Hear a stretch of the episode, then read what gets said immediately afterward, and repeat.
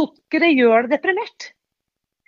Og når vi ser også hvordan En ting er liksom hvordan det påvirker. Vi vet at det er en mye sterkere kobling mellom mage og tarm. Og det mentale, det følelsesmessige og det fysiske enn vi tidligere på en måte kanskje skolemedisin har lagt vekt på. Når du spiser bedre, så føler du deg bedre. I dag har vi en spennende gjest med i studio. Eh, Irina Lie er journalist og forlegger, gründer og sosial entreprenør. Hun ønsker å forandre Helse-Norge og gi andre håp. Og hun er tydelig på at det å spise riktig henger tett sammen med velvære og frihet. Hun står bak den norske versjonen av konseptet Bright Line Eating av Susan Pierce Thompson. På norsk kalles konseptet Spis deg fri. Sentralt står fravær av sukker og mel og fire klare linjer. Irina har selv slitt med vekt, kropp og følelser i over 30 år, før hun i 2015 spiste seg fri fra overvekt og fedme. Hun ønsker nå å dele denne kunnskapen med alle som trenger det. Hvorfor har jeg valgt å intervjue Irina i Selvmordspodden? Dette har ikke jeg snakket veldig mye om, men i februar 2019 måtte min sønn Thomas støtte meg opp trappene til leiligheten hans. Knærne verket, og jeg visste at jeg hadde puttet på meg ti–tolv kilo for mye på kort tid. Jeg følte at jeg spiste sunt og trente jevnlig, men likevel økte kiloene. Og der og da bestemte jeg meg for å gjøre noe med det. Et par uker etterpå dukket opp en annonse fra Irina på min Facebook-feed, og jeg kjente at dette ville jeg undersøke. Og et kurs fire måneder etterpå så hadde jeg tatt av meg 20 kilo, og kjente at dette var en livsstil som jeg ønska å forbli i. Dere vet hva som skjedde bare et par uker etter at mitt mål for vekt ble oppnådd, og min verden ble snudd på hodet. Mange sa nå må du i hvert fall kunne spise kaker og unne deg noe godt, Anne. Du kan ikke slanke deg nå. Men det de ikke forsto, var at midt i alt kaoset så hadde jeg ro rundt ett område i livet mitt. Jeg visste hva jeg skulle spise for å få i meg nok energi og overskudd til å stå midt i det jeg sto i. Konseptet Spis deg fri handler om mye mer enn det å slanke seg. Nå lurer vi veldig på om det er mulig å spise seg fri fra depresjon og avhengighet. Irina Lie, tusen takk for at du eh, ble med oss i dag i Selvmordspodden. Tusen takk for at jeg får være med. Jeg har bare lyst til å høre om dette her med Spis deg fri. Det er mange som aldri har hørt om det før. Hva er Spis deg fri, og hva er disse fire linjene som dere snakker om? Jeg oppdaget Spis deg fri fordi at jeg gjennom 30 år hadde slitt med overvekt og fedme. Mm. Og var vel uh, Dette er jo nå fem år siden jeg fant denne metoden. Så for meg, inngangen min til Spis deg fri uh, handlet om overvekt. En måte å rett og slett bli slankere på. Mm. Men egentlig så er Spis deg fri et mye større konsept enn som så. Det, man trenger ikke være tjukk for å ha glede av dette, for å si det sånn. Nei. Det handler om at vi kan spise oss fri fra de plagene vi prøver å uh, håndtere ved hjelp av mat. Så det er dårlige følelser, det kan være dette søtsuget, det kan vi spise oss fri fra. Overvekt og fedme er helt åpenbare greier, men, men også dette med andre kostholdsrelaterte helseplager. Og forskningen viser jo at det er jo stadig flere eh, sykdomstilstander som kan knyttes til nettopp maten vi spiser. Mm. Når du sier forskning nå, så er det jo det som er litt kult men at det er masse forskning på dette, og spesielt hva denne avhengigheten av sukker og mel gjør i hjernen vår. Så det tror jeg vi kommer yes. til å komme litt mer inn på. Men de ja, fire, fire linjene, hva er det for noe? Mm.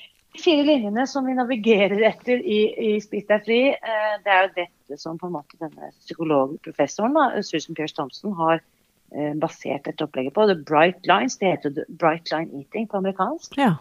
Og disse fire klare linjene med fire bright lines, da sier vi som følger Vi kutter ut sukker. Vi kutter ut mel. Vi spiser tre måltider hver dag.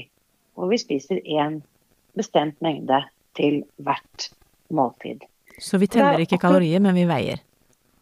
Vi veier maten. Mm. Eh, og spiser på en måte Og når, når, når, folk hører at man veier maten, så får kanskje eh, man fort assosiasjoner til andre slankeopplegg der man har veid maten og, og spiser 40 gram med kokt skinke.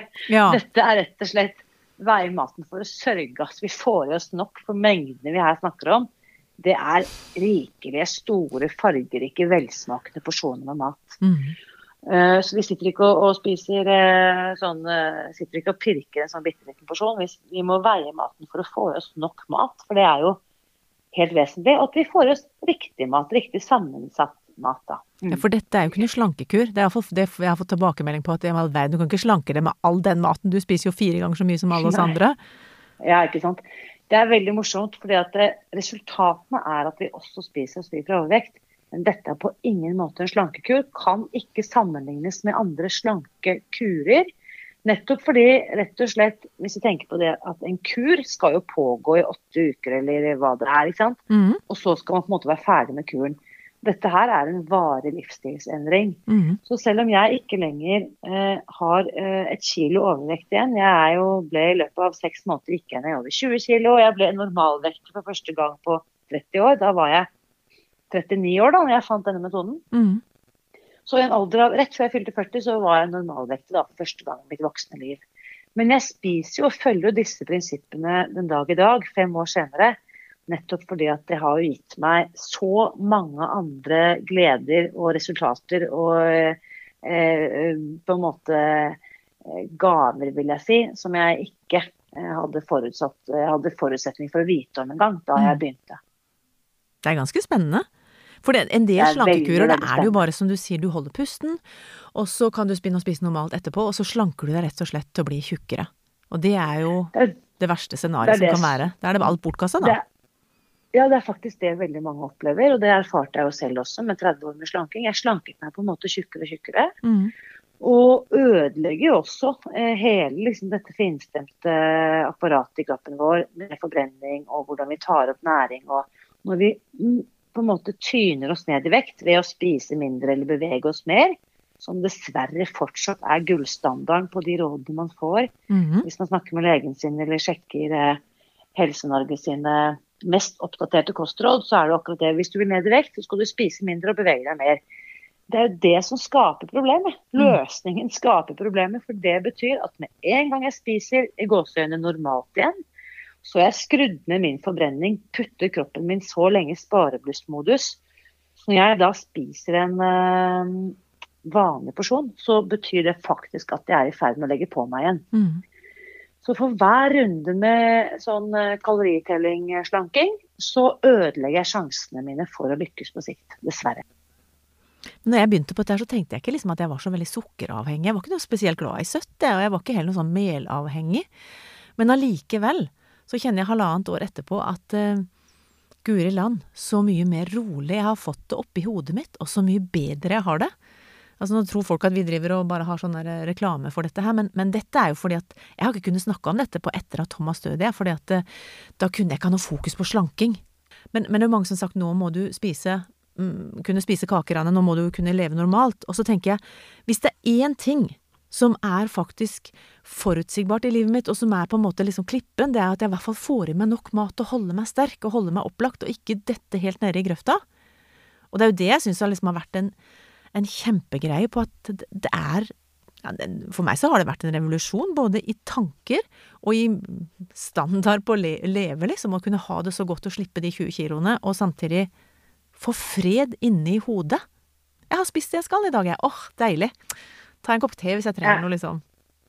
Jeg må bare si tusen takk for at du forteller. Og det høres kanskje litt sånn jeg vet ikke, Noen tenker at det er overfladisk å snakke om mat og kropp og vekt knyttet til stor sorg eller tap, mm. og til og med tap av menneskeliv og mennesker vi er glad i. Men poenget er at det, vi må snakke om hvordan vi bruker mat til å regulere våre egne følelser. Mm. Det blir vi lært opp til helt fra vi er bitte, bitte små. 'Å, lille venn, har du slått deg? Kom, sett deg på fanget, skal du få en is.' Å, her er det noe kjeks. Ikke gråt, lille venn. ikke sant? Så koblingen vår mellom Og til og med lille, den lille babyen som gråter, blir jo lagt til mors bryst. Ja. Som er, ikke sant Morsmelk er jo noe av det støteste du kan få i deg. ikke sant? Så dette med å ty til sukker og mel og oppleve metthet, er Det funker faktisk. Du mm. blir roligere, du føler deg tryggere. Det, det, gir en trøst og en støtte. Men når dette på en måte er blitt en um, mestringsmekanisme i voksne liv, så har det på en måte tatt overhånd. Mm. Så i en situasjon, f.eks. i akutt nød eller sorg eller angst, panikk, eh, men også typ kjedsomhet eller engstelse, så er vi så kodet til eh, på ren automatikk, så tyr vi til maten. Ja. Og da er det gjerne de fete, de søte og de melholdige gjærbakstgreiene som på en måte døyver det ubehaget raskest, da. Ja, for det gjør jo det, men det er veldig Det er jo akkurat som en alt annen avhengighet. Det er veldig kortvarig. Yes. Mm. Og, og, det er akkurat dette som er så spennende med Spis deg fri. Nettopp det at det er forskningen fra avhengighetsforskningen. Mm. Denne psykologen har tatt prinsippene fra det man har funnet ut rundt avhengighet, og applisert på mat rett og slett bare som en erkjennelse av at noen av oss, og dette gjelder jo ikke alle, men noen av oss blir hekta på mat. Og vi har bare, uansett hvem du er, alle mennesker har bare ett belønningssenter i hjernen. Mm.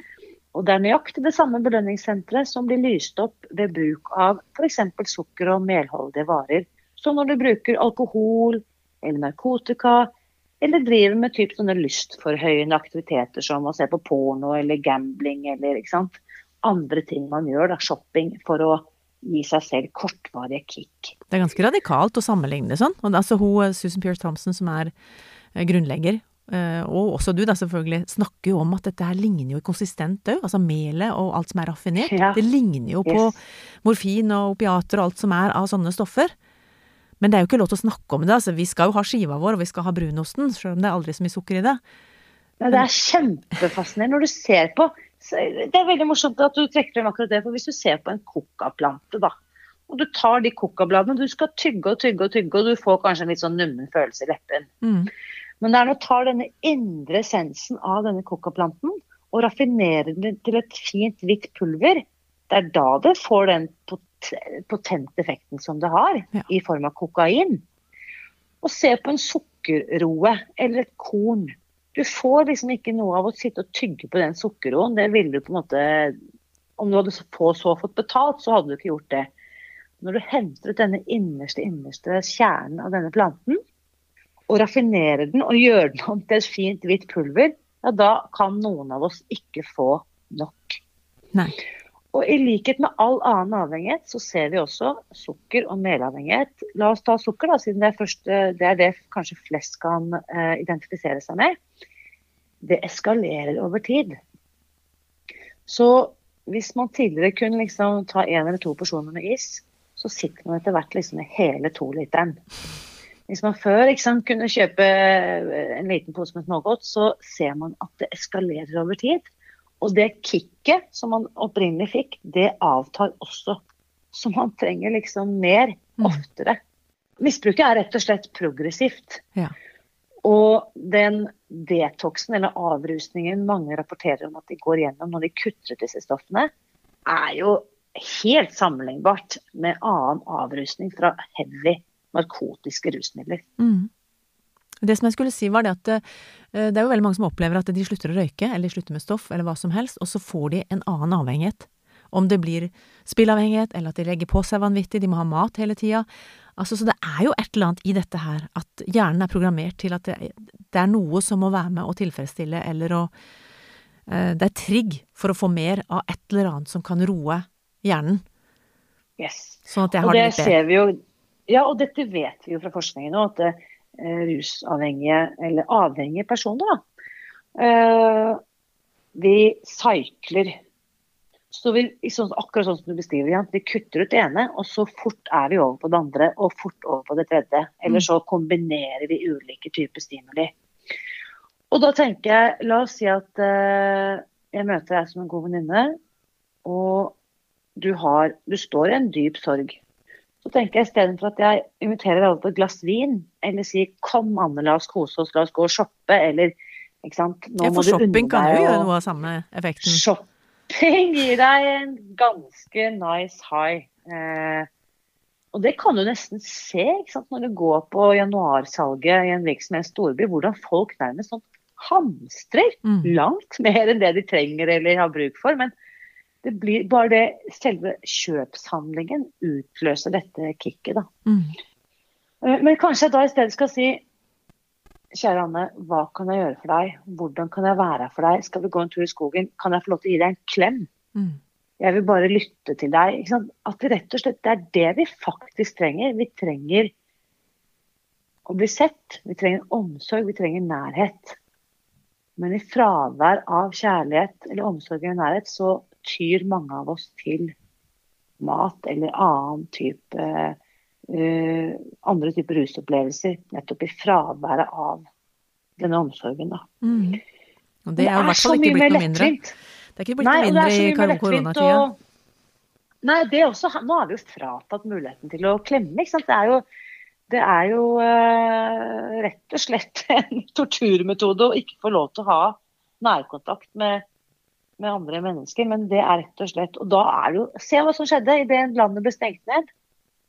Folk begynte jo å bake og holde på på kjøkkenet og, og stappet i seg. Folk snakker nå om koronakiloene. Ja, det gjør de. Hvordan skal jeg takle kjedsommelighet, uro, utrygghet, bekymring? Jo, jeg spiser. Mm. Helt til slutt har jeg lyst til å fortelle hvor du kan få hjelp. Kirkens SOS er en døgnåpen krisetelefon. Det samme er Mental Helse. Leve, Landsforeningen for etterlatte ved selvmord. Legevakten 116 117. Kors på halsen Røde Kors sitt tilbud. Det er en samtaletelefon for barn og unge under 18 år. Og så er det tilbudet som heter Snakk litt, mellom Helsesista, Kirkens SOS og Nyby. Helt til slutt har jeg bare lyst til å takke deg for at du har vært med på denne episoden, og ønsker deg alt godt videre.